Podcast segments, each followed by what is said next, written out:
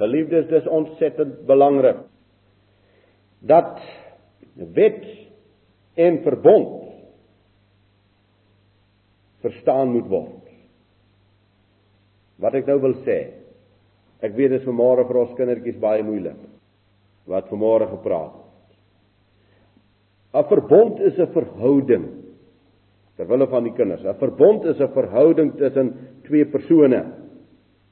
Nou binne hierdie verhouding kan 'n mens sekere reëls vir jou neerlê. Ons twee in ons verhouding met mekaar maak so, maak so, maak so, maak so, maak nie so nie, maak nie so nie. Nou kan hierdie verbond kan dieselfde bly. Die verhouding bly dieselfde, maar die reëls binne die verhouding kan verander word. Dis die een een koers, die een pad wat kan gegaan word. Of jy kan sê maar hierdie verbond soos in die geval van die skrif, hierdie verbond is nie volmaak nie. Daar's nie volmaaktheid in hierdie verbond nie. Kom nou net daarby. So daar moet 'n verbond kom wat volmaaktheid in hom het. En dan kan ook die instellings binne hierdie verbond anders te raak. En ek weet vanmôre is die behoefte baie groot onder ons mense om te weet wat is nou verby en wat bly. En baie buigend wil ek deurgee wat ek seker nie net in hierdie tyd nie, maar deur die tyd deur die Heilige Gees ontvang het vanuit hierdie skrif. Geliefdes, die Ou Testament as skrif se inhoud. Mooi luister nou. Die Ou Testament as skrif se inhoud bevat wet en profesie wat ingebind is in die heilsgeskiedenis van Jawe met sy volk Israel. Dit wil sê die wet en die profesie hang nie los in die lug nie. Baie belangrik. Die wet hang nie sommer hier iewers in die lug nie. Dis ingebind in die hele heilshandeling van Jawe met die volk. En dit is baie belangrik dat u en ek dit sal verstaan. Wet en profesie lê binne die heilsgeskiedenis. Dit staan nie los eenkant. En net so gaan dit deur na die Nuwe Testament toe. Die wet en die profesie loop dwars deur die Nuwe Testament en dit hang nog altyd in die heilsgeskiedenis van Jawe met sy volk. Nog nooit dwars deur die skrif het Jawe hom met iemand anders geïdentifiseer as met sy heilige volk nie. Dwars deur, hy identifiseer hom as die heilige van Israel. Met niemand anders nie. Soos in die Ou Testament daarin verskil is tussen hierdie heilige volk en die ander nasies, so kom die skrif deur en behou hy hierdie wonderlike waarheid Israel teenoor die ander nasies. God Jahwe is die almagtige van Abraham, Isak en Jakob. Hy is die almagtige van die 12 stamme. Die Hebreërbrief kom sê hy bekommer hom nie oor die engele nie, maar oor die nageslag van Abraham bekommer hy hom.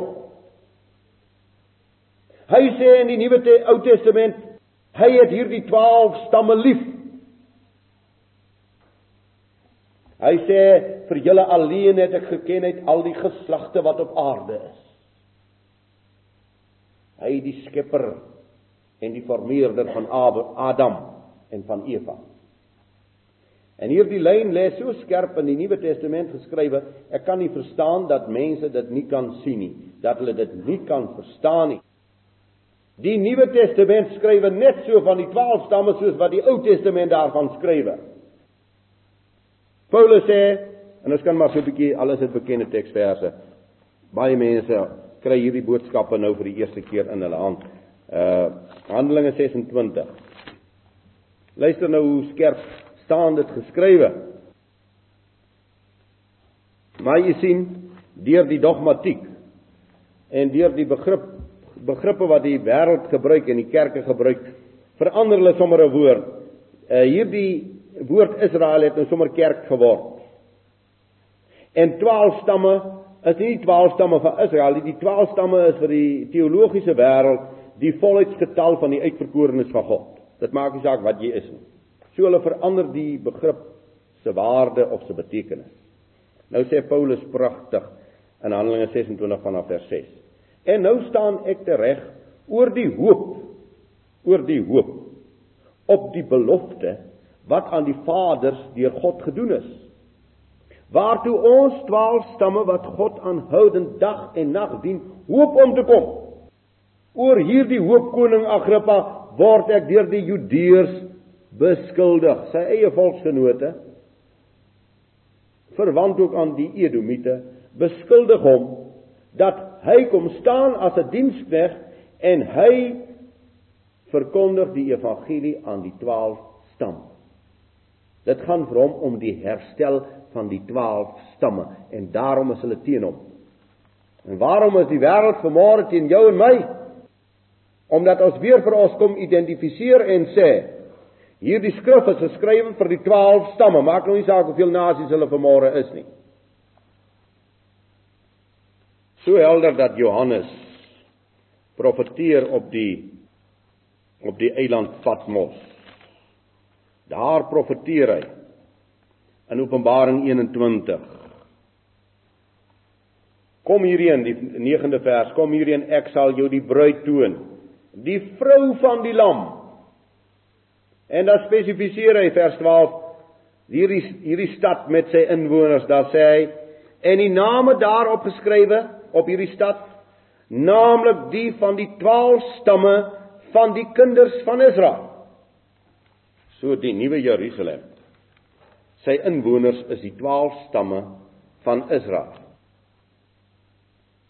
Paulus, Johannes helder en duidelik. Petrus kom en hy sê in 1 Petrus 1 en ek wil dit ook maar lees al is dit bekend. Hy sê hy skrywe aan die 12 hy skryf aan die vreemdelinge van die verstrooiing. O ja, dis Jakobus, die kan ons bylees. Hy skryf aan die 12 stamme in die verstrooiing. Dis net voor Petrus. Diensknegt van God en die meester Yeshua Messia aan die 12 stamme wat in die verstrooiing is. Hy skryf aan hulle. Petrus skryf aan die verstrooide vreemdelinge. Uitverkore volgens die voorkennis van God die Vader. So hier is nie 'n Nuwe Testamentiese prediker wat nie handel oor die uitverkiesing van die 12 stamme van Israel nie. Helder en baie duidelik is dit vir ons. Geliefdes, ons moet daarom die absolute eenheid tussen die Ou en die Nuwe Testament as skrif sien en ons moet dit so hanteer.